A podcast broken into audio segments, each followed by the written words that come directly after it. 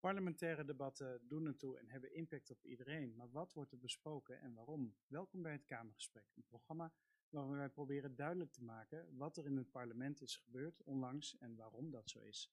Mijn naam is Kemal Rijken en ik maak dit programma samen met ProDemos en Nieuwsport, van waaruit wij hier nu ook opnemen. En vandaag gaan we het hebben over de Eerste Kamer. En waarom gaan we dat doen? Aanstaande woensdag op 15 maart, dan kunt u allemaal, dan kunnen jullie allemaal naar de stembus voor de provinciale statenverkiezingen. Maar indirect kun je ook dan de Eerste Kamer kiezen. En ja, de Eerste Kamer, dat gebeurt allemaal hier in uh, Den Haag. Dus daar gaan wij het over hebben. En daar, vandaar deze speciale aflevering over dat onderwerp. En dat ga ik niet alleen doen. Dat gaan we doen met een panel van vier. En ik stel ze graag eerst even aan jullie voor.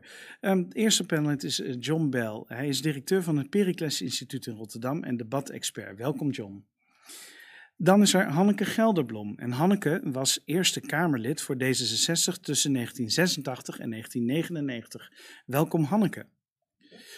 Shaila Sitalsing. Zij is journaliste, econome en biograaf van VVD-premier Mark Rutte. Welkom Shaila. En als laatste is er Bert van den Braak. Hij is hoogleraar parlementaire geschiedenis en hij bracht onlangs het boek uit de Eerste Kamer tussen nuttig en overbodig. Welkom Bert. Ja, dat uh, zijn onze gasten voor vandaag. Maar we gaan het hebben over de Eerste Kamer, zoals ik al zei. En ja, John, ik kijk toch weer jouw kant uit, net als vorige keer. Je bent er weer, welkom. Ja. Een vriend bij, van. Bij, bij het uh, Eerste Kamergesprek. Bij het Eerste Kamergesprek. Gemiste kans in de opening. Gemiste kans in de opening, maar vriend van de show. Um, aanstaande woensdag zijn de provinciale statenverkiezingen. Ja. En wij zitten hier dan voor de Eerste Kamer. Ja, dat is maar dat is dus allebei in één. Kun jij de kijker uitleggen wat, er nou, wat er nou gaat gebeuren woensdag? Allereerst hoop ik dat mensen de, de, de 15e komende woensdag uh, gewoon gaan stemmen voor dingen die belangrijk zijn in hun provincie. Uh, dat gaat over landindeling, dat gaat over openbaar vervoer tussen dorpen en steden. Uh, dat gaat over het verdelen van woningbouw. Dat gaat ook over hoe je omgaat met stikstofmaatregelen. Mhm. Mm -hmm. Maar als die verkiezingen zijn geweest en de Eerste Kamerleden, sorry, de statenleden zijn benoemd, is onvergeeflijk dit. dan zullen die nieuw geïnstalleerde statenleden ook de leden van de Eerste Kamer kiezen.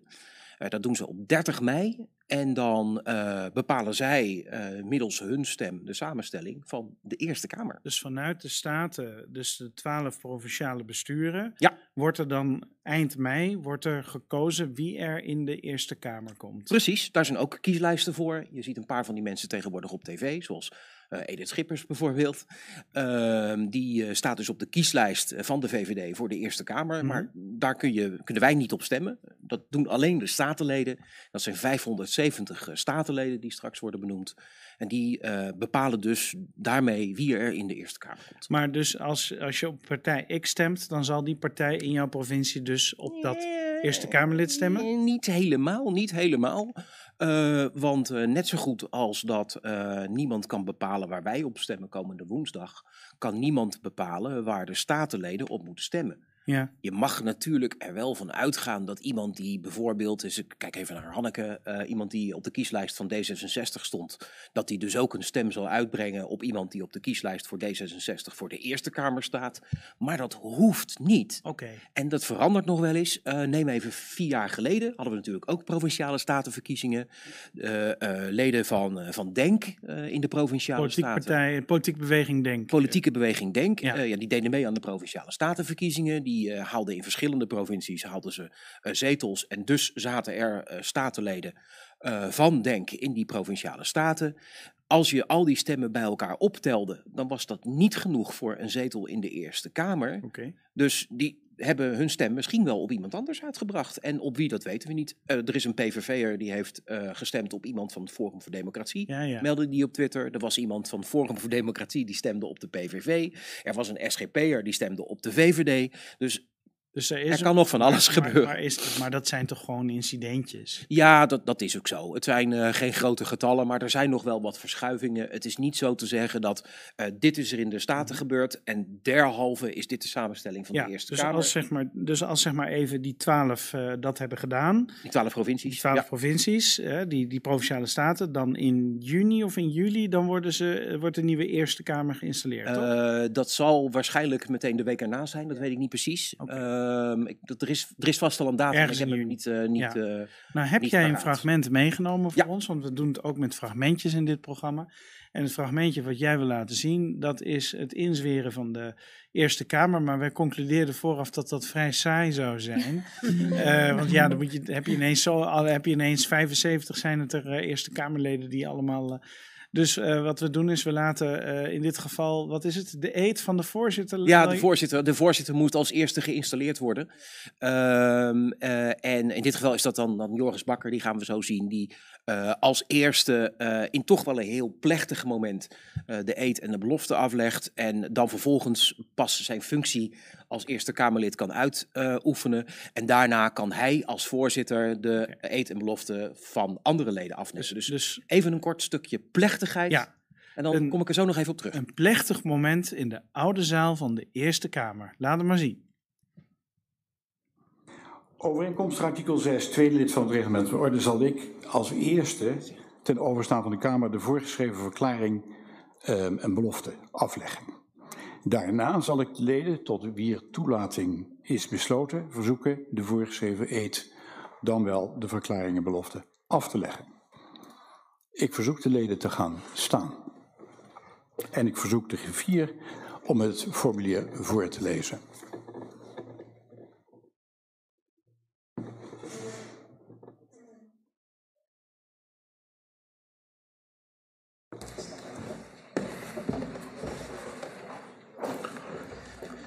Ik verklaar dat ik, om tot lid van de Staten-Generaal te worden benoemd, rechtstreeks nog middelijk, onder welke naam of welk voorwendsel ook, enige gift of gunst heb gegeven of beloofd. Ik verklaar en beloof dat ik, om iets in dit ambt te doen of te laten, rechtstreeks nog middelijk enige geschenk of enige belofte heb aangenomen of zal aannemen. Ik beloof trouw aan de koning, aan het statuut voor het koninkrijk en aan de grondwet. Ik beloof dat ik de plichten die mijn ambt mij oplegt getrouw zal vervullen. Dat verklaar en beloof ik.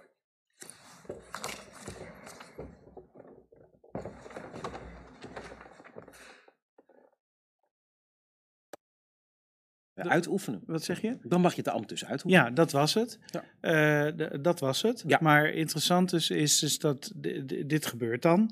En dan, dan gaan ze het ambt uitoefenen. Kijk, wat, voordat we daarover gaan hebben. Even, eh, de- die Eerste Kamer, die is er niet voor niks. Eh, wat, wat, zijn, wat, wat is nou de rol van de Eerste Kamer ten opzichte van de Tweede Kamer? Die is nog wel wat aan verandering eh onderhavig geweest in de afgelopen jaren. Weet je, het is eh, grappig om te constateren dat de Eerste Kamer, het klinkt heel deftig. En je zag ook wel net in het fragment dat het toch ook wel heel plechtig er aan toe kan gaan. En zo voelt het ook wel als je daar op de publieke tribune zit of als je deelneemt aan de vergaderingen. Maar het is eigenlijk ons jongste politiek-democratische orgaan. Ja, ja. Het is er pas, pas sinds 1815. En in die toch relatief korte tijd, hè, waterschappen zijn veel en veel ouder. Mhm. In die relatief korte tijd is het wel heel erg veranderd. Ooit een keer opgericht, Bert zal er straks ongetwijfeld meer over vertellen. eh, ooit opgericht om eh, de koning te beschermen. eh, is het een instituut geworden wat gaat kijken of onze primaire volksvertegenwoordiging, de Tweede Kamer, zijn werk wel goed heeft gedaan.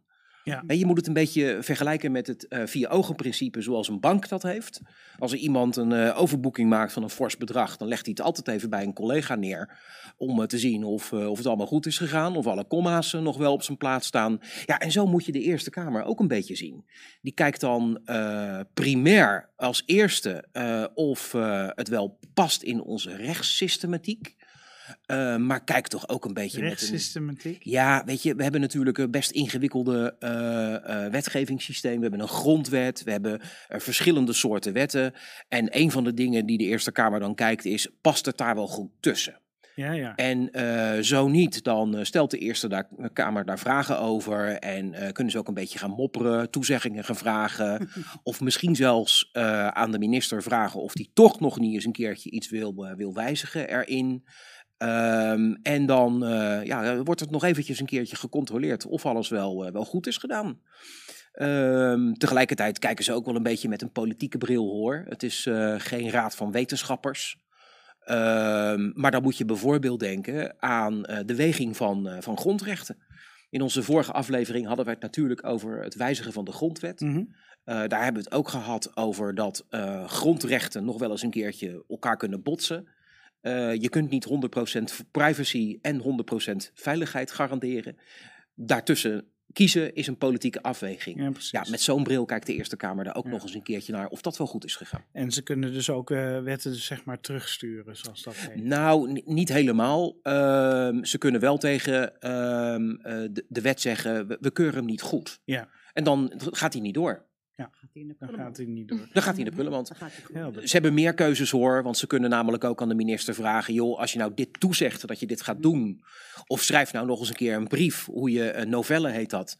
Mhm. Eh, dat mag je zien als een, eh, eh, een soort van eh, eh, update van de wet. We, we gaan dit zo snel mogelijk aanpassen. Ja. Eh, dus er zijn wat meer mogelijkheden dan alleen maar terugsturen. Maar feitelijk komt het daar wel op neer. De, de Eerste Kamer zegt: eh, dit is geen goede wet, Mhm. we doen het niet. Of het is een goede wet en dan doen we het wel.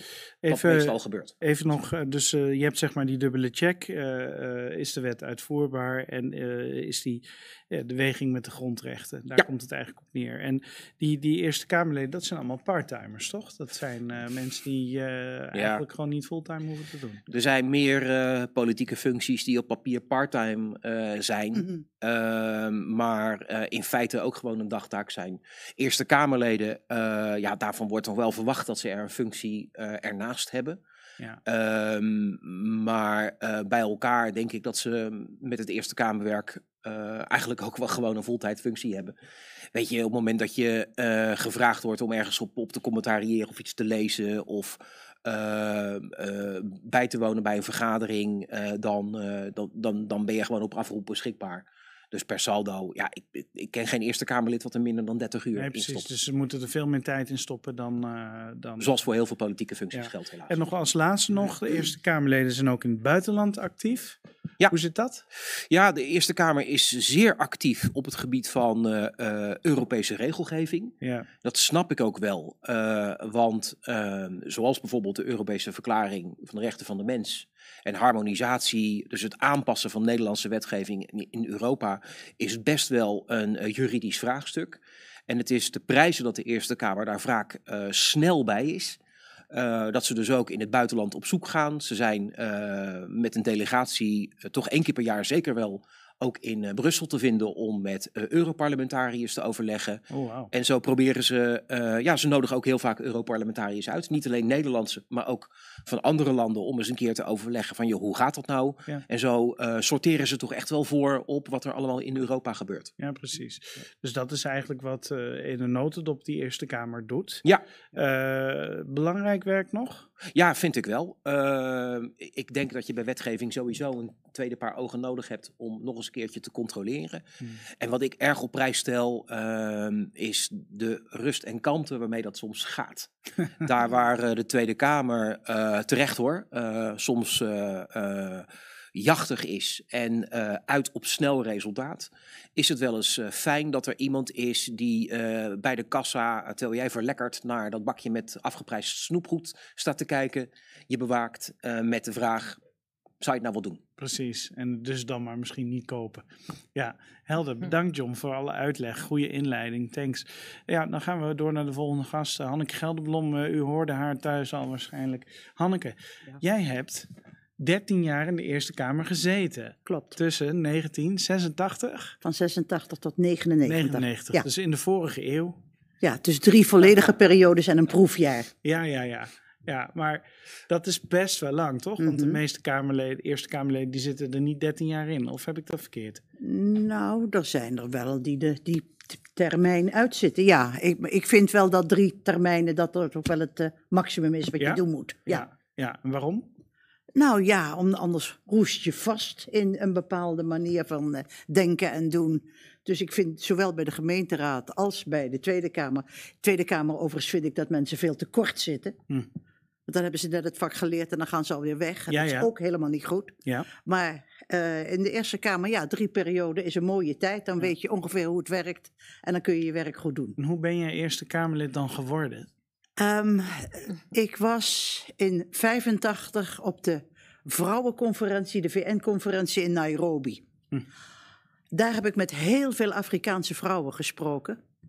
En toen kwam ik terug in Den Haag en toen dacht ik, nou moet ik weer vol emotie gaan verdedigen dat de huur niet met vijf gulden omhoog mag. En ik kom net terug uit Afrika, waar vrouwen met drie kinderen en twee kippen in een hutje zitten, zonder stromend water. Ik kan dat niet meer, ik moet gewoon weg. Ik moet dat niet langer doen. Oké, dus ik zei tegen mijn fractie, jongens, sorry, zoek maar een andere, ik Welke doe het niet meer. Welke fractie? D66 gemeenteraad. Oh, in de gemeenteraad. En de gemeenteraad, jazeker, de gemeenteraad van Den Haag. Je zat in de gemeenteraad. Gemeenteraad van Den Haag heb ik ook twaalf jaar gedaan. Helder. Maar dat zei, toen zei je, ik wil niet meer in de raad. Toen zei ik, jongens, volgende verkiezing, doe het niet meer. Toen was er een journalist, die zei, jee, jij hebt zo'n tijd in Den Haag. Ik wil met jou een interview. Ik zei, nou, dat mag. Toen zei hij, jij gaat natuurlijk naar de Tweede Kamer, hè? Ik zei, nee. Wat? Ik zeg, ja, ik ben wel gevraagd, maar ik wil niet naar de Tweede Kamer. Nou, dat had hij nog nooit meegemaakt dat iemand zei dat hij niet naar de Tweede Kamer wou. Nee, nee. En ik zei, er zijn twee redenen. Eén is, ik wil mijn eigen agenda kunnen blijven bepalen. Als er één ding is wat in de Tweede Kamer niet kan, is dat. Want je wordt geleefd. En het andere is, ik vind mijn huwelijk te belangrijk. Kijk. En er gaan te veel huwelijken kapot in de Tweede Dat Kamer. klopt, dat en dat wil ik niet. Ja, Dus ik ga niet naar de Tweede Kamer. oké. Oh, zei hij. Dan ga jij dus naar de Eerste Kamer. Nou, ik viel van mijn stoel. Ik had daar nooit over nagedacht. Nee, nooit van gehoord. niet. Wel van Wel van gehoord. gehoord. Ja, ja. Maar dat was voor mij een instituut van allemaal juristen en professoren.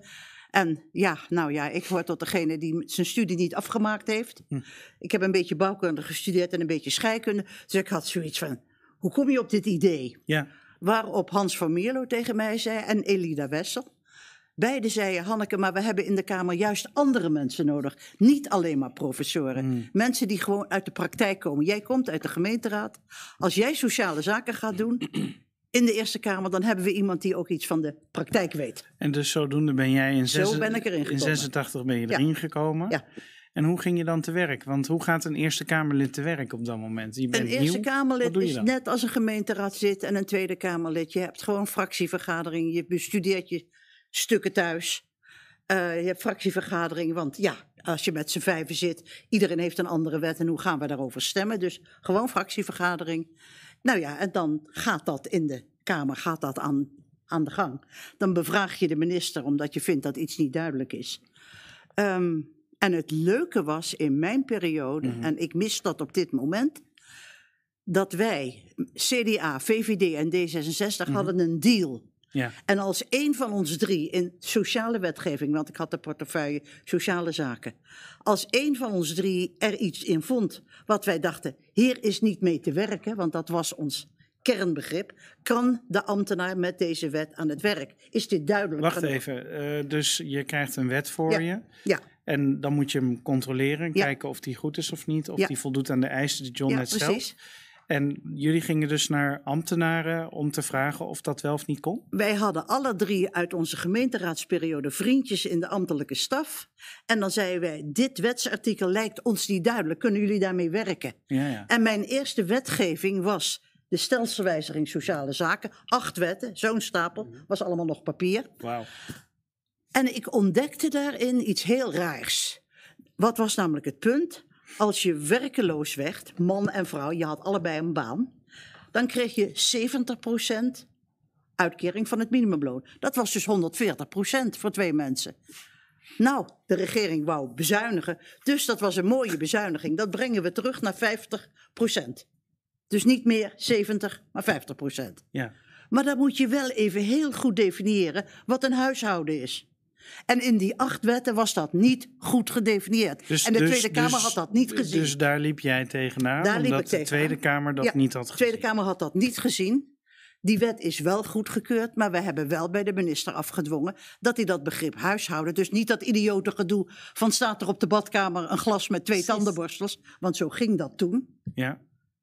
Dan was je. En wij hebben allerlei vragen gesteld. Als je studeert bij je tante in Groningen. Je hebt wel samen één stofzuiger. Ben je dan een huishouden? Ja. En wat we ook was, Ja. CDA, ja, kloosterzusters die werkeloos werden, Oh ja. geen onderwijs, die hielden 70% Een klooster was geen huishouden. Nou, zeiden wij, dat klopt dus niet. Nee, dus ook, dus ook daar hebben jullie naar gekeken. Gewoon kijken van Ja. klopt het en is het uitvoerbaar. En in die acht wetten was dat begrip huishouden niet goed Ha- gedefinieerd. Hanneke, hoe, hoe lang hebben jullie erover gedaan om dit goed voor elkaar te krijgen? Ah, nou, het was mijn medespeech, dus ik had nog niet zoveel ervaring. Maar het was wel zo dat alle vrouwen naar mij toe kwamen en mij feliciteerden. En zeiden, ha, we hebben weer een goede vrouw, want jij weet hoe wij hier moeten werken. Kijken of de wet klopt en of de ambtenaren daarmee kunnen werken. Ja.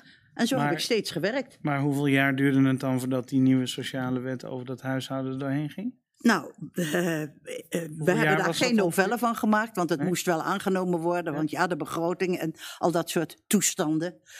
Eh, dus de wet is wel aangenomen, maar de minister heeft wel beloofd aan ons dat hij binnen een jaar dat begrip huishouden beter Oké, zou dus jullie definiëren. hebben dat binnen een jaar Ja. hebben jullie dat eh, Ja. gekregen. Dus dat zijn de mogelijkheden. Je kunt bij de minister iets afdwingen met het dreigementen, anders gaat die wet de prullenmand in. Dat- Mhm. De Kamer heeft namelijk maar twee mogelijkheden, hè, de Eerste Kamer. Je mag niet amenderen, je mag dus niet de wet wijzigen. Mhm. Dat recht heeft de Eerste Kamer niet, de Tweede Kamer wel. Ja.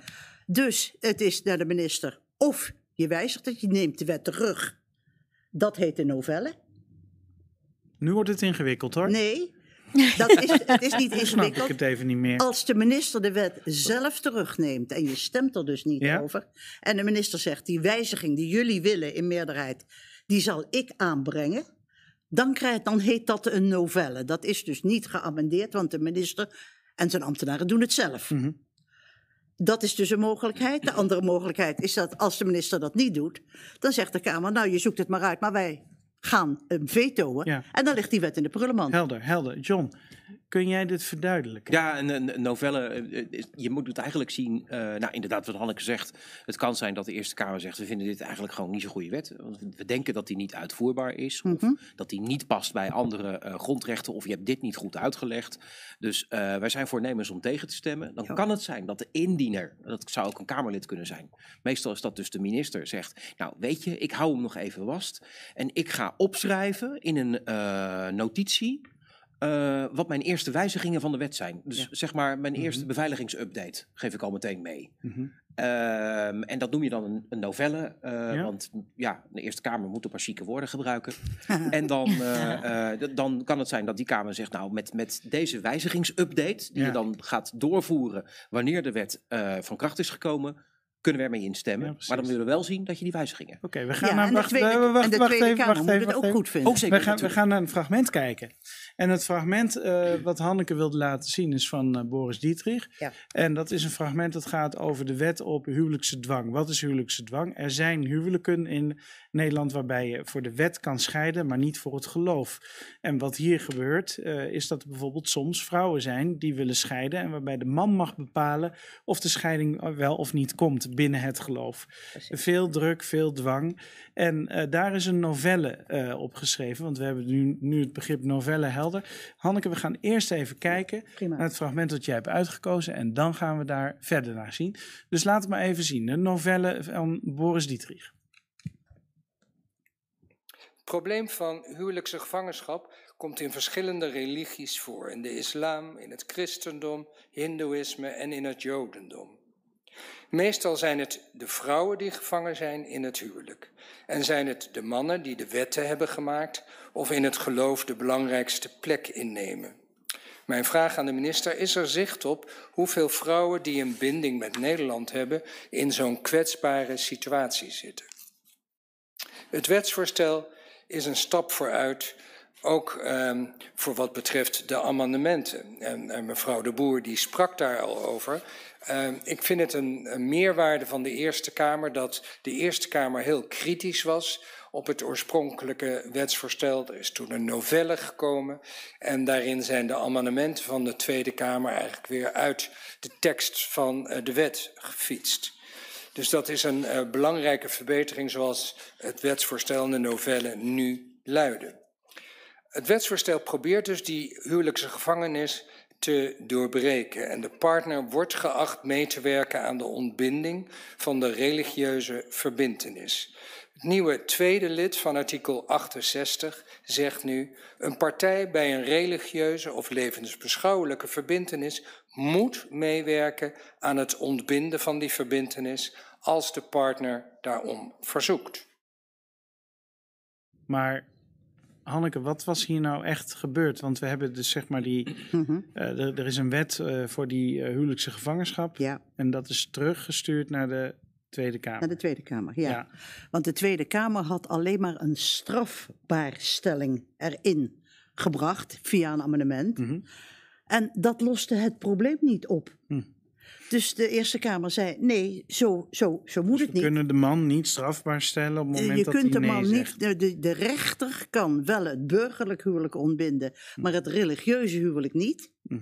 En als er niet van tevoren een afspraak gemaakt is tussen man en vrouw dat ze elkaar vrij zullen laten, dan heeft die man het recht om die vrouw vast te houden met afschrijselijke gevolgen. Want die vrouw pleegt dan overspel als Ja. ze een ander. En die kinderen, moet je even nagaan, die kinderen zijn onwettig. Hun hele leven, onwettige Mhm. kinderen. Nou, dat is iets wat wij niet willen.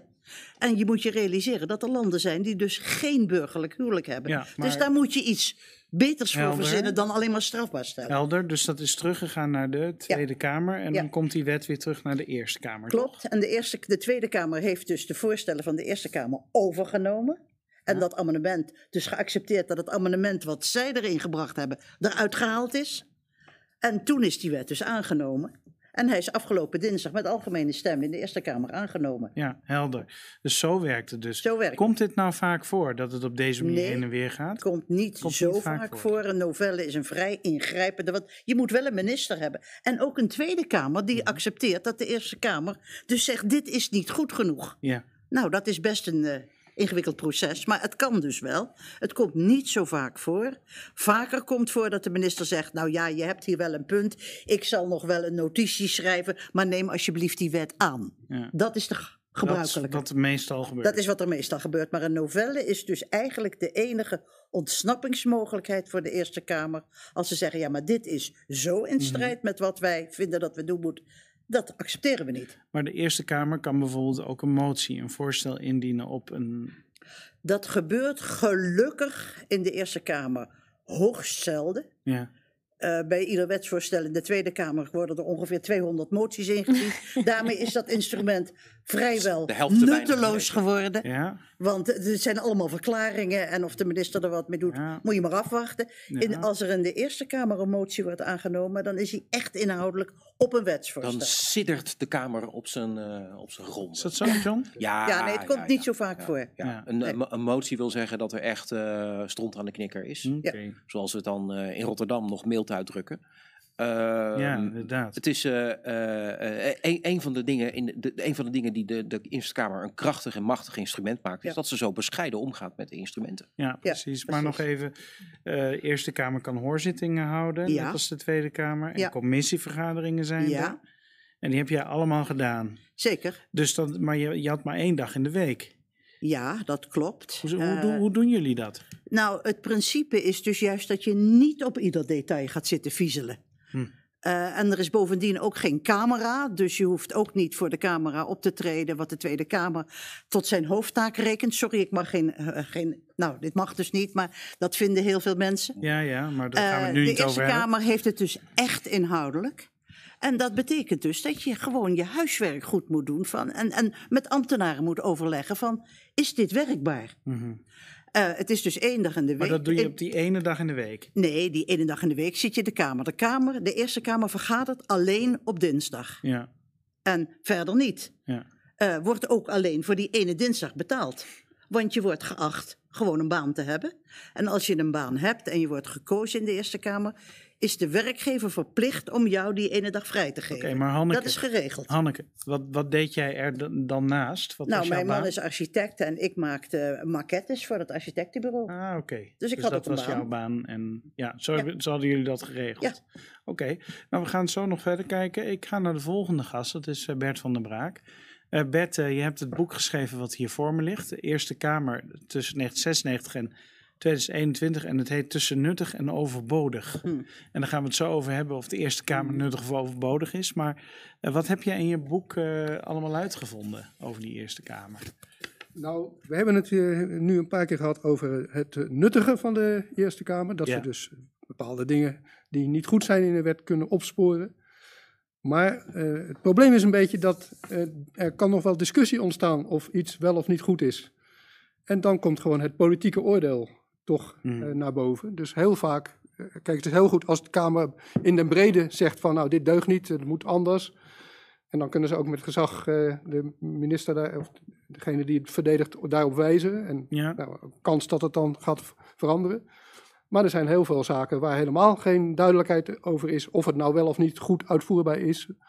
Want eh, ja, het is geen wiskunde, dus je, je kan daar discussie over hebben. En ook zelfs, we hebben het ook al even gehad over de grondwet. Is iets nou wel of niet in strijd met de grondwet? Of in strijd met het eh, Europese Verdrag voor de Rechten van de Mens? ja. Daar kan discussie over zijn.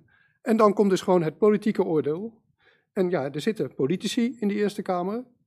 En die hebben ook eigenlijk al een mening over eh, wat ze willen. Hm. Dus heel vaak is dat die mening eh, over. eh, eh, nou de SP denkt anders over bepaalde zaken dan de SGP. Ja, Dus die volgen gewoon hun eigen politieke mening. ja, precies. Dus, er is ook afweging heel veel verdeeldheid uiteindelijk, eigenlijk Zeg je eigenlijk dus uit, uit je onderzoek blijkt ook politiek. Hoe lang heb je onderzoek gedaan? Nou, dat, ja, dat gaat misschien wat Ja, verder dan dit boek alleen. Want eh, Dat is deel 2 hè, eigenlijk. Dit, Eh, eh, eigenlijk is het deel 2. Want ik had al een boek geschreven over de periode 1815 eh, Ja, tot 1995. Oké, in 1995 ook uitgebracht. En eh 98 uitgebracht. 98 ja. uitgebracht. Ja, Eh, maar eh, ja, wij houden eigenlijk als PDC, eh, waar ik werk, en dat is het, eh, vroeger was het Parlementair Documentatiecentrum, maar onderdeel van de Universiteit Leiden, maar wij zijn nu onderdeel van het Montesquieu Instituut. oké. ja. En wij volgen eh, en houden bij wat er allemaal gebeurt in het parlement. Dus dat is je, je core business, Ja, parlementaire eigenlijk. geschiedenis Precies. Dus, eh, en, nou ja, en Ja. eh, dingen bijhouden en tellen, dat is eigenlijk al heel belangrijk. Dat gebeurt eigenlijk heel maar weinig je in hebt er dus Nederland. 25 jaar over gedaan om dit boek te maken? Nee, nee. dit boek eh, heeft, eh, nou zeg maar, vier, vier en een half jaar eh Ja, heb dat is toch wel het onderzoek. Dus, ja, dus. Dit, de- jij kan het echt staven. Het is uiteindelijk toch meer vaker een politiek oordeel dan een deskundig oordeel. Eh, ja, heel, ja, ja, want je ziet bijvoorbeeld dat partijen, eh, als ze in de oppositie zijn, Mhm.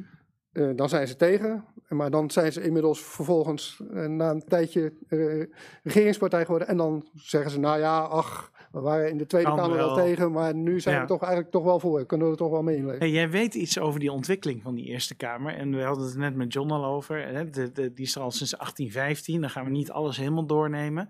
Maar eh, in je boek zeg je inderdaad dat eh, 1983 is er een grote grondwetswijziging geweest. Ja.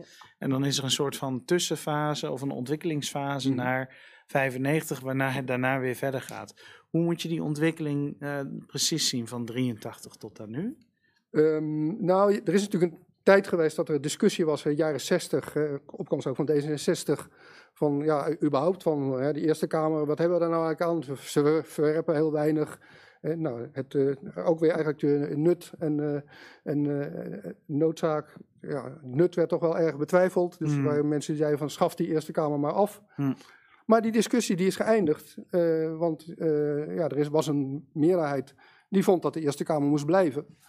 Ja, dan kan je natuurlijk denken van, nou ja, ik blijf maar zeggen van ze moeten weg. Maar je kan ook denken van, laten we er nou iets nuttigs mee doen. Ja, precies. En met name onder voorzitter Cenk Willink, die heeft toen ook gedacht van, Herman Cenk Herman die Cenk voorzitter Willink, was in de jaren 90. ja, dat, eh, ja. die was voorzitter. En die dacht van, nou, als we nou meer, we moeten meer als instituut. Hè, dus we hadden het net ook over. Als de Eerste Kamer als geheel zegt van, dit deugt niet, minister, dan moet je echt, dat kan echt zo niet. Dan kan je met gezag optreden. En gebeurde dat uiteindelijk ook? Dat gebeurde wel in enkele gevallen. De, de, de Algemene Nabestaande Wet Ja. eh, bijvoorbeeld. Daar, nou, daar heeft de Eerste Kamer echt van gezegd van dat kan niet. En dus daar moest de staatssecretaris Terveld, die moest dat ook eigenlijk eh, terugnemen. Elske Terveld. Ja, Elske Ja. Terveld. Ja. Dus eh, nou, die rol, ja, die is eigenlijk, die zou, die is nuttig. Maar ja, we hebben, eh, dat is de volgende fase. Ja. Vanaf 2010 zien we dat er een andere meerderheid in de Eerste Kamer is dan in de Tweede Kamer. Mhm. En dat betekent dus dat ehm, eh, ja, de regering niet meer kan rekenen op steun En dus moet zorgen dat er eh, ja, andere partijen, Ja. oppositiepartijen ook, eigenlijk al in de Tweede Kamer eh, ehm, Maar steun geven. dat betekent dus eigenlijk dat vanaf zo'n beetje 2010 hebben, hebben de Eerste en de Tweede Kamer een andere samenstelling. Maar hoe komt dat dan? Ja, omdat kiezers eh, eh, nogal wisselvallig zijn in hun kiezersgedrag. Eh, opkomst is lager bij de statenverkiezingen. Ehm, de meerderheden voor kabinetten zijn eigenlijk ook steeds krapper geworden. Het is steeds moeilijker om een coalitie te, te Meer partijen Vormen. Er natuurlijk. zijn meer partijen nodig. Dus nou ja, dan is de kans. het was zelfs al zo onder Paars, dus onder kabinet Kok in eh 98. Toen had eh, CDA, VVD, PvdA, D66 hadden maar 38 zetels in die Eerste Kamer. Mm. Dus wel een hele krappe meerderheid. Eén zetel. En, nou ja, en sinds 2010 is die meerderheid dus helemaal verdwenen. Ja, Maar dat betekent dus ook dat het politieke belang van die Eerste Kamer groter is geworden. Want ja, er is gewoon steeds een kans dat die gaan dwars liggen. ja. En ja, dat betekent dus dat, eh, dat het kabinet dan allerlei dingen niet kan Dus uitvoeren. dat is eigenlijk vanaf 2010 zo'n beetje gebeurd. Maar je hebt mij ook verteld vooraf dat premier Rutte, en dan kijk ik zo even naar Shaila, want daar heb ik wel een vraag over, eh, als een soort van eh, duif boven de Eerste Kamer telkens in en uitvloog om eh, de Eerste Kamerleden eh, de meerderheden te krijgen. Ja, maar het gekke is dat hij, daar hoeft hij eigenlijk niet zozeer voor naar de Eerste Kamer. Dat, eh, dat zal misschien ook wel eens gebeuren. Maar hij moet eigenlijk vooral in de Tweede Kamer zorgen. Als je nou maar zorgt dat je genoeg steun hebt voor een wetsvoorstel in de Tweede Kamer, dan is de kans heel groot dat ook in de Eerste Kamer die meerderheid Ja. is. Even naar Shaila. Shaila, Mhm. jij hebt een biografie over premier Rutte geschreven. Eh, je hebt je daar vast ook in verdiept. Mhm. Eh, hoe doet hij dat dan? Hoe doe je dat? Hoe, hoe, doe je, hoe doe je dat of hoe doet Rutte dat? Ja. Eh, nou ja, net, net, net eh, wat Bert zegt is, hij ehm, luistert gewoon heel goed naar waar de tegenstand zit. En hij gaat met die mensen eh, In de Tweede Kamer. praten. Ja, in de Tweede Kamer al. Ja. Omdat hij ervan uitgaat, en dat is in de meeste gevallen ook zo, dat als je de fractie in de Tweede Kamer mee hebt, dat de fractie in de Eerste Kamer zal meestemmen. Hetzelfde zoals er zijn uitzonderingen, Mm. komen we straks nog Ja, wel ja. op. Straks ook, ja. Maar het, ehm, eh, de- meestal eh, dan, dan kun je dus al ondervangen door, door te zorgen dat je de, de, de, de, de gangmakers in de Tweede Kamer aan je zijde hebt. Nou ja, en hoe doet Rutte dat? Ja, op zijn hij, eh, gaat, hij gaat paaien, hij gaat hè, vlooien, noemen ze dat ook, een beetje zo aan je zitten. Hij zorgt eh, dat je je fijn voelt en comfortabel en gezien. Of, eh, of hij gaat, eh, hij belt je, hij sms't je, hij neemt je mee. Hij, Ja, nou ja, hij, hij geeft je comfort, zo Dus heet dat bij Rutte zelf die ja, hij zorgt ervoor aan die dat je- oppositieleden. ja, dat je je gezien voelt en dat je net genoeg ehm, ja, dingetjes, brokjes krijgt toegeworpen om toch eh, Ja. mee te gaan. Oké. Nou, Bert, eh, jij onderschrijft het, neem ik aan. Ja hoor, dat is de methode, ja, eh, ja. de formule eh, sinds 2010 zo'n beetje. Ja. Want er is nog nooit een kabinet geweest sinds 2010 wat de meerderheid ook had in de Eerste Kamer. Dus moest meerderheden zoeken, zoals dat ja, heet. klopt. Ja. Maar soms dan ontspoort dat.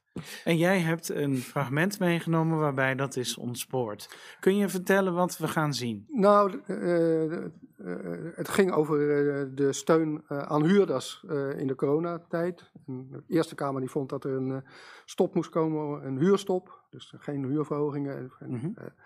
Eh, Oké, de huur Kamer- werd nog wel betaald. ja, maar de Tweede Kamer die eh, had een ander oordeel. Dus Ja. die hadden gezegd van, eh, die, die steunde eigenlijk de minister. De minister zei van, ja, ik ga, moet- kan dat nog niet toezeggen en ik moet dat nog allemaal zien hoe ik dat ga, re- ga regelen. En de Eerste Kamer zei, nee, regel dat nou. En dat de minister zei, ja, nee, sorry, dat kan ik nog niet regelen. En dat nog een keer. En, en toen heeft de, kwam de Eerste Kamer met een motie om het zelfs af te keuren. Wauw.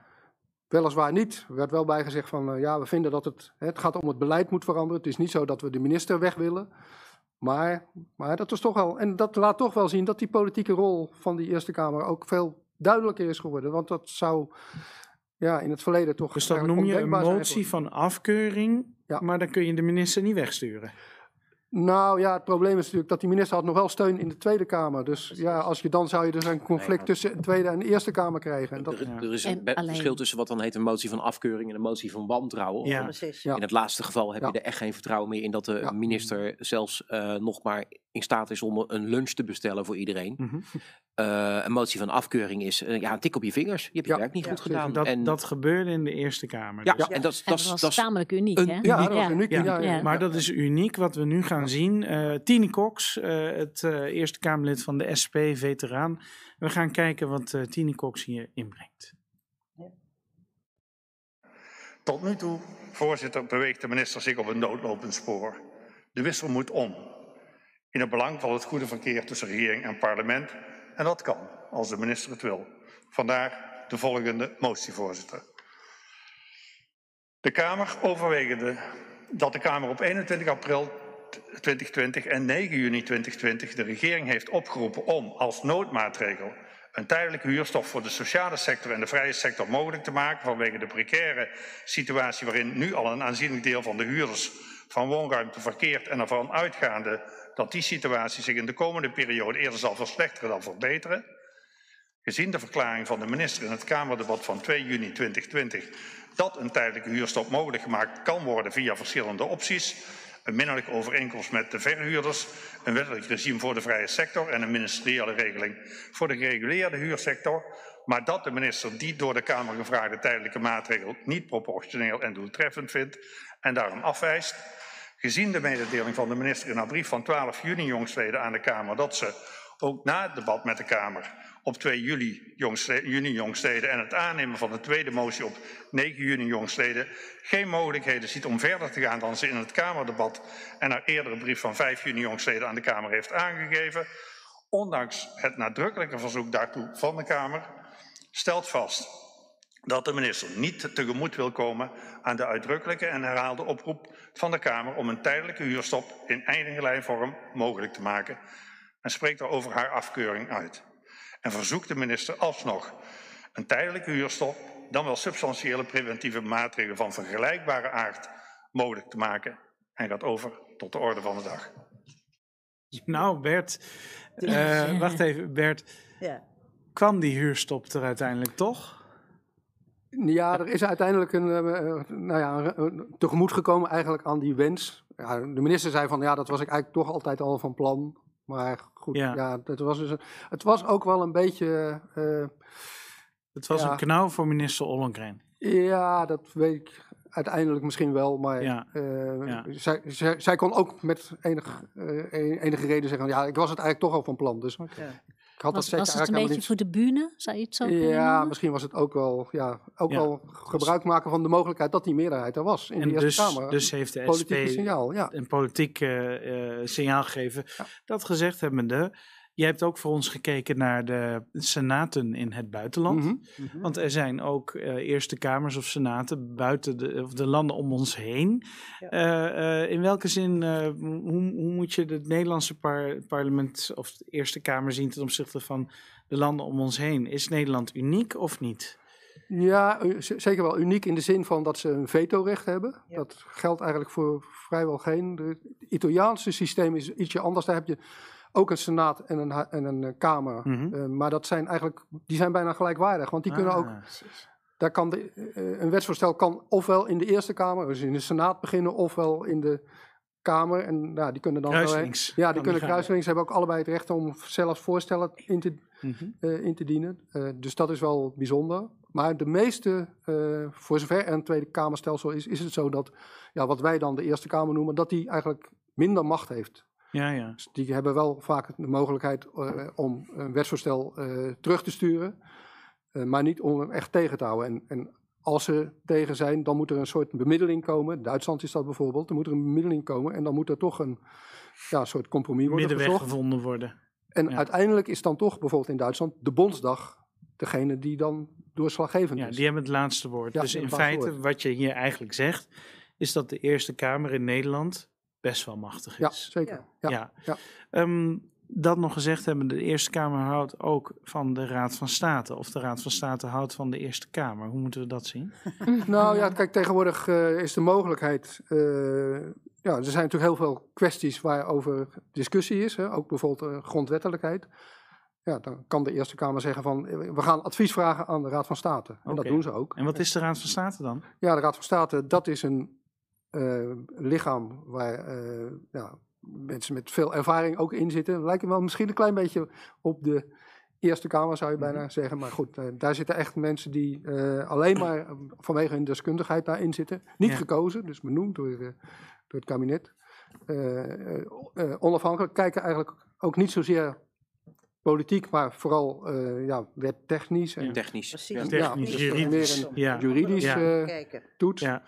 Eh, dus die, geven, nou, die kunnen dan Advies. zeggen tegen, de, Ja. tegen de Eerste Kamer, nou ja, wij vinden dat dit wel kan volgens de Mhm. grondwet, of wij vinden dat dit echt niet kan. Dus ja, in, in die zin een advieslichaam, maar niet een politiek, maar niet, niet een politiek Precies, orgaan. dus die twee die vinden elkaar dan in de zin van de, de Eerste Kamer vraagt advies aan de Raad van State, krijgt het en oordeelt dan. Ja, maar dan zie je dus ook weer dat zo'n advies, eh, eh, Mhm. dan kan toch nog een deel van de Eerste Kamer zeggen van, ja, nou ja, de Raad van, van State heeft gezegd van, het mag misschien toch wel. En dan, mag de een, dan zegt de een van, ja, wij vinden dus dat het niet kan. En de anderen zeggen van, het mag wel. Dus dan komt toch het politieke oordeel, Je kan zou, alsnog. je zou het Nou, zo kunnen zeggen, denk ik. Ja. Eh, De Raad van State kijkt of iets kan. Ja, Precies. De Eerste Kamer kijkt samen met de Tweede Kamer of iets moet. Ja zijn precies. twee verschillende dus daar dingen. zit het verschil. Ja. Ja, dus daar, Bert, wacht even, Bert, jij kan je daarin vinden? Ja, nee, zeker. Nee, de- uiteindelijk, het, kijk, dan, het, het oordeel is toch aan de Eerste Kamer natuurlijk. Want Ja. Die, ja, die gaat erover. Even kijken, Shaila, ik ga naar jou. Eh, jij hebt voor ons speciaal gekeken naar hoe het de afgelopen periode ging. hè? Mhm. In 2019 waren de vorige provinciale statenverkiezingen. Toen hebben we een Eerste Kamer gekregen. Eh, we zien dat de fracties in de Senaat vrijwel hetzelfde stemmen als die in de Tweede Kamer. Eh, maar goed, er is dus. We merken dus ook een beetje aan het verhaal van Bert en wat we net zien. En Tini Cox, die toch eigenlijk politiek bedrijft. Is eh, de Eerste Kamer is dus in deze periode politieker geworden? Of, of- Ehm, ja, die eh, Ja. politisering of dat politieker Ja? worden, dat, Wat- dat zie je wel, wel Wat is dat gebeuren. dan? Hoe, zie, hoe kun je dat Nou omschrijven? ja, dat is eigenlijk dat de Eerste Kamer steeds meer een soort eh, duplicaat wordt van de Tweede Kamer. Omdat ehm, de, de fracties in de Eerste Kamer hetzelfde vinden of denken en doen. En, en, en zich ook politiek gedragen en stemmen als hun fracties in de Tweede Kamer. Ehm, en die Eerste Kamer eigenlijk wordt gebruikt als een soort instrument om van tevoren al concessies af te dwingen eh, bij het kabinet. Omdat, omdat het kabinet dus geen vanzelfsprekende meerderheid heeft in de Eerste Kamer. Dus dat maakt het allemaal een wat politieker orgaan. Ehm, tegelijkertijd, als je kijkt hè, naar wat er de afgelopen vier jaar aan wetgeving door de Eerste Kamer is gegaan, het overgrote gedeelte gepasseerd zonder enige wanklank. Dit Geen is een hamerstuk. 95. Hoeveel procent? Ja, Hoeveel procent? ja, ja, of, Ja, of- nee, of, of, of- 95. of- ja, Ongeveer- eh, eh, heel, ja, heel veel. Heel, heel veel. 90, Heel veel. eh, Ja, 95. ja, ja, ja. Ja, Dat zit echt Ja. in, in dat soort percentages. En deels is dat natuurlijk omdat de moeilijke dingen er al uit zijn eh, gefietst. In Mhm. het, zeg maar, het vooroverleg eh, nog in de Tweede Kamer. Met premier Rutte onder andere. Zeker. En dat die fracties in de Eerste Kamer dan ook nou ja, automatisch dat eh, zeggen. Nou prima, als jullie het goed vinden, vinden wij het ook goed. Dus dat passeert allemaal. Ja. Het eh, gebeurt ook nog wel af en toe de Eerste Kamer wel echt ingrijpt. Hè. Ik, ehm, je kan je vast nog herinneren dat er veel te doen was over ehm, de mogelijkheid, het kabinet wilde de mogelijkheid voor rechters om taakstraffen op te leggen verder inperken. Dat bij bepaalde ehm, eh, delicten de rechters geen taakstraf zouden mogen opleggen meer. Dat is toen in de Eerste Kamer terechtgekomen. En daarvan heeft de Eerste Kamer toen gezegd, ja, nee, ho, ho. Dat gaat te ver, dat gaan we niet doen. Ja, dus het ja. gebeurt nog steeds wel hoor, Ja. dat die Eerste Kamer toch een, een damp corona. een damp een. Ja. ja, ook dat de Eerste Kamer toch kritisch is. En dan kijken ze ook wel heel ja, rechtsstatelijk van ja, kan, kan, kan dit nou eigenlijk wel en knelt dit nou niet heel erg? Dus dat met, met die taakstraffen, dat is eigenlijk eh, ja, niet doorgaan.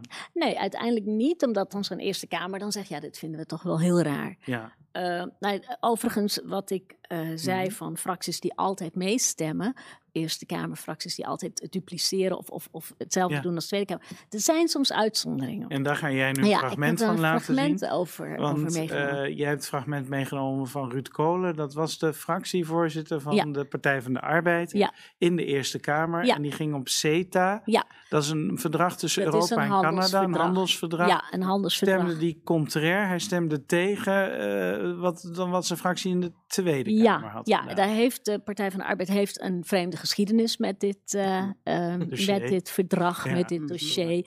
Eh, omdat ze eh, toen het in eerste instantie werd behandeld, zat de Partij van de Arbeid nog in de regering. En Mm. was het de, de minister van Handel, die was van de Partij van de Arbeid, die ook voor dit verdrag heeft gepleit in die vorm. Ehm, toen kwamen de verkiezingen voor de Tweede Kamer en kwam de Partij van de Arbeid in de oppositie, terecht. En er was heel veel kritiek op dit handelsverdrag. met name vanuit de linkse achterban van de Partij van de Arbeid. Mhm. Die vonden dat daar sommige dingen niet goed in geregeld waren. En Ja. dat de positie van mul- multinationals een beetje, nou ja, nee, Te sterk zou zijn. niet, ja. eh, niet helemaal goed geregeld. Nou, dat, er precies. waren allerlei bezwaren ja, maar daar gaan we nu niet op in. We hebben de Nee, tijd dat, niet voor. dan, dan moet ik dat hele CETA gaan, eh, gaan uitleggen. Dan zijn we nog wel een kwartiertje verder. Maar goed, eh, toen is de Partij van de Arbeid in de, in de Tweede Kamer, in, inmiddels in de oppositie zat, was toen plotseling tegen dat verdrag wat ze eerst Hm. hadden verdedigd. ze eerst hadden voorwaarden. En toen Ja. moest het naar de Eerste Kamer. Maar toen zei de, eh, de PvdA in de Eerste Kamer, die zei, ja, maar wij gaan gewoon naar het verdrag kijken, Hm. want dit is een beetje raar. Wij zijn eigenlijk wel voor. En er is heel veel druk gekomen op die, ehm, op die senatoren in de Eerste Kamer, die van plan waren om toch gewoon voor te stemmen vanuit de PvdA-achterban. Daar heeft die Ruud Kolen, dus de fractievoorzitter in de Eerste Kamer, later ook nog wel wat over verteld, over hoeveel daar meekomt. Maar heeft een eigenstandige afweging gemaakt. En dat was uniek. Dat was, eh, Ja? dat was eh, heel bijzonder. Heel bijzonder. Zo vaak komt dat dus Nee, niet voor. Nee, Ja. Bert onderschrijft de Ja, historie. Ja, dat is echt, dat komt bijna niet voor. Komt Oké, dus wat we nu gaan zien, Shaila, dat Is zijn de komt overwegingen bijna van, niet voor de overwegingen van van Ruud Ruud Kolen, Kolen en in de het Eerste stemmen. Kamer om Ja, voor te het zijn stemmen. stemverklaringen. Ja. Maar zien, jongens.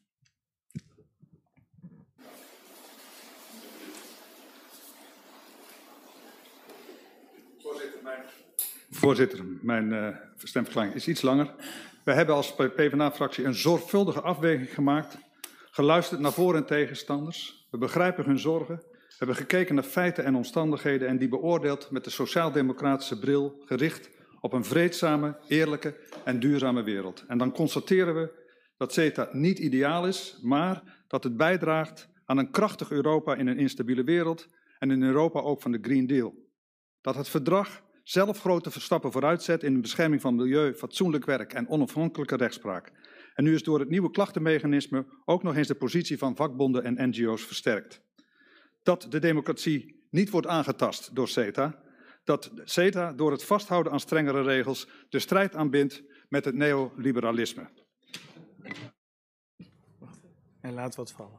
En daarom, en daarom zullen wij als fractie van de PvdA voor CETA stemmen, voor de mensen, voor onze kinderen en kleinkinderen, voor de planeet.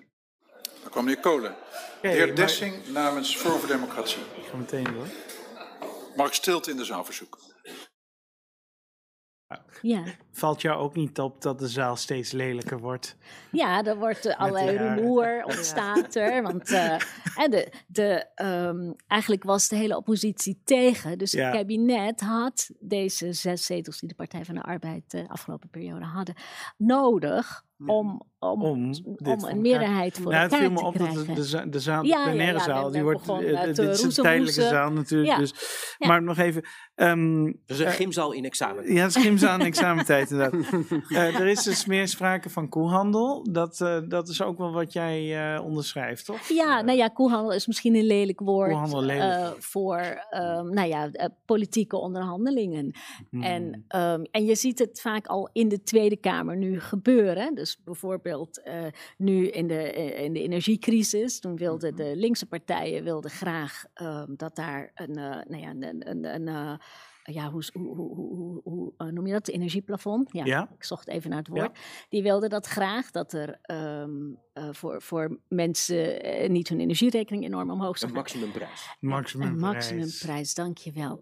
En dat, eh, dat was in de Tweede Kamer al uitonderhandeld. Dus dat Ja. kregen ze er in de Tweede Kamer al doorheen. Omdat het kabinet de buis zag hangen. Die dacht van ja, als we hier heel ijzerheinig dit niet gaan doen... ja, dan komen we uiteindelijk onszelf toch wel weer tegen de Eerste Kamer. Dus Mhm. je kan al in de, in de Tweede Kamer... zie je het al in de onderhandelingen... zie je die, die bui van die Eerste Kamer altijd een beetje hangen... Ja, over sommige dossiers. Maar je hebt dus ook wel dat, eh, hè, wat Bert ook zegt, er worden politieke keuzes gemaakt. En dan achteraf blijkt bijvoorbeeld een wet desastreus uit te pakken. Ja. Eh, een Ankie Broekers-Knol, die had dat, de voormalige eh, VVD-senator, die heeft, dat opgericht. lang in de hè? Senaat gezeten. En die is op een gegeven moment eh, ehm, daar weggegaan. Ze werd minister.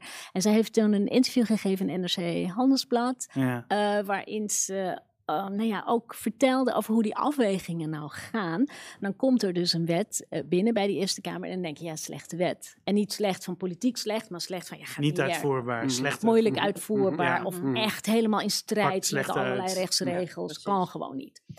En die passeren toch vaak wel die Eerste Kamer. En zij, zij, zij legde ook uit van ja, je, je, dan kijk je daarna en denk je, ja nee, maar dit kan eigenlijk niet. Maar dan komt er druk van alle kanten van ja, jeetje, we zijn al zo lang hiermee bezig en we zijn nu al zo ver. En nou ja, je gaat toch niet heel ingewikkeld maken. En dan krijg je wat toezeggingen van de minister. Ja. Eh, u zei daar net ook al wat over, hè, je kunt wat toezeggingen krijgen. Maar ja, je weet nooit helemaal zeker of die toezeggingen ook worden uitgevoerd. Ja. En dat gebeurt heel vaak. Dan gaat er slechte wetgeving eh, doorheen. Nou, echt prutwetgeving hebben we ook wel Ja. eh, af en toe. Echt. Eh, dat dat echt hele nare kan echt gevolgen ook kan hebben in de praktijk. Ja. Nou ja, het gaat nu veel over de toeslagenaffaire, maar er zijn heel veel van dat soort wetten ook langs gegaan. Ja, waarvan je...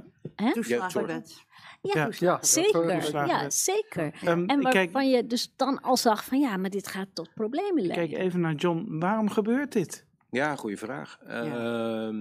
ja, i- dat heeft alles te maken met eh, een instabiele Tweede Kamer. Eh, waar eh, het maar moeilijk is eh, om mensen naar elkaar eh, te laten luisteren. Exact. Eh, waardoor er eh, vaak meer dingen worden bedisseld op macht in plaats van inhoud. Mhm.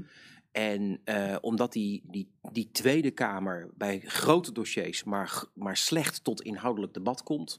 En er niet een goede zichtbare afweging is hoe iets tot stand is gekomen. Ja, dan is het niet zo raar dat het controleorgaan die, die rol een beetje over gaat nemen. Ja. Ja. Ehm, en vervolgens wordt er dus eh, vanuit de regeringsfracties... de Eerste Kamer. De Eerste Kamer, Ja. ja. Ja.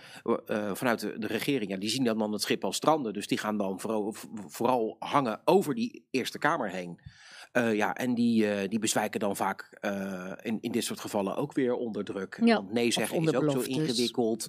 Eh, want als je nee zegt, dan, dan doen we helemaal niks. Ja. Nou, ik weet niet eens of zeker of dat het is. Nee. Maar het punt is wel dat als de Eerste Kamer zegt, we doen het niet. Want ze kunnen niks wijzigen. Hè? Nee. Nee. Als de Eerste Kamer zegt, we doen het niet, dan gebeurt er ook niks. Nee, en dan gaat Dan komt er helemaal geen helemaal meer. opnieuw Of- beginnen. Of, dan is Ja. er helemaal geen geld meer voor de jeugd. Sheila, Ja, hoe, hoe, gaat Ja. dat mechanisme dan? dan? Dan moet je dus helemaal opnieuw Ja, beginnen. dan moet je helemaal opnieuw beginnen. Dan, en het duurt heel lang. hè. Zo'n wetgevingstraject is echt, echt Precies. heel lang. Daar Ja. kunnen jaren overheen gaan. Dus dat wil je dan ook weer niet. Dat weet je ook. Nee, want Nee. er zijn vaak acute problemen en die moeten acuut worden opgelost. Ja. En dan moet je gaan uitleggen in allerlei jeugdinstellingen van nou jongens, ja we weten dat het een beetje ingewikkeld is.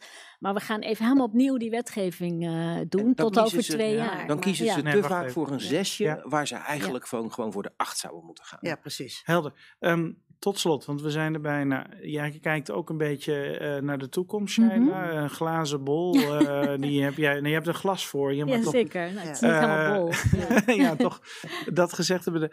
Ehm, wat gaat er nu nog komen? Want we gaan dus woensdag naar de stembus. Ja. Althans, mensen kunnen naar de stembus. Voor de Provinciale Eh, Staten. voor de Provinciale Staten, indirecte verkiezing Eerste En voor de Kamer. waterschappen. En waterschappen En de ook nog, maar daar hebben we het vanavond niet over.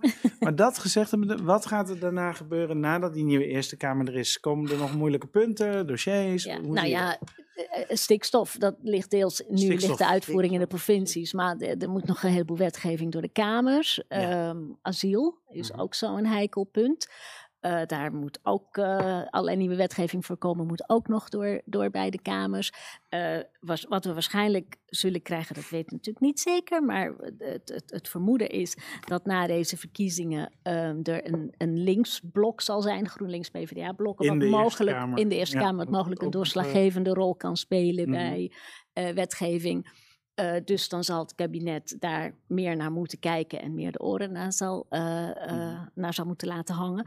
Anderzijds, ja, je weet niet hoe groot het rechtse blok wordt. Daar zal het kabinet waarschijnlijk zaken bij moeten doen als het op asielzaken iets wil. Okay. Dus dat zijn we wel gaan, echt een paar we grote naar de, we gaan onderwerpen. De, dank je. Dank voor de uitleg. Ziet er goed. De, de, de, voor mij is het helder. Maar ik wil toch nog even van iedereen weten. Hier, en we gaan nog even zeggen het een of het ander. Eerste Kamer, John. Is dat nou nuttig of overbodig, de Eerste Kamer? nuttig. Nuttig. Hanneke, is het nuttig of overbodig? Nee, het is nuttig, maar het moet geen duplicatie van de Tweede Kamer worden, want dan maakt de Eerste Kamer zichzelf overbodig. Oké. Als men te politiek wordt en niet meer naar de inhoud en naar de waarde van zo'n Mhm. voorstel kijkt, dan maakt de Eerste Kamer zichzelf overbodig. En ik vind dat geen goede ontwikkeling. Acte. helder.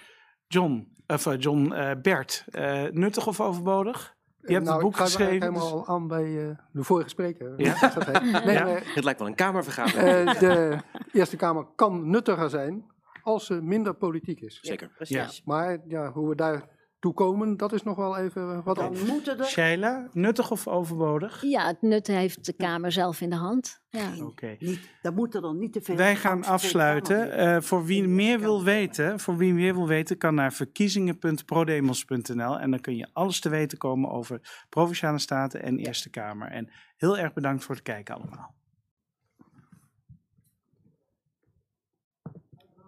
Thank you.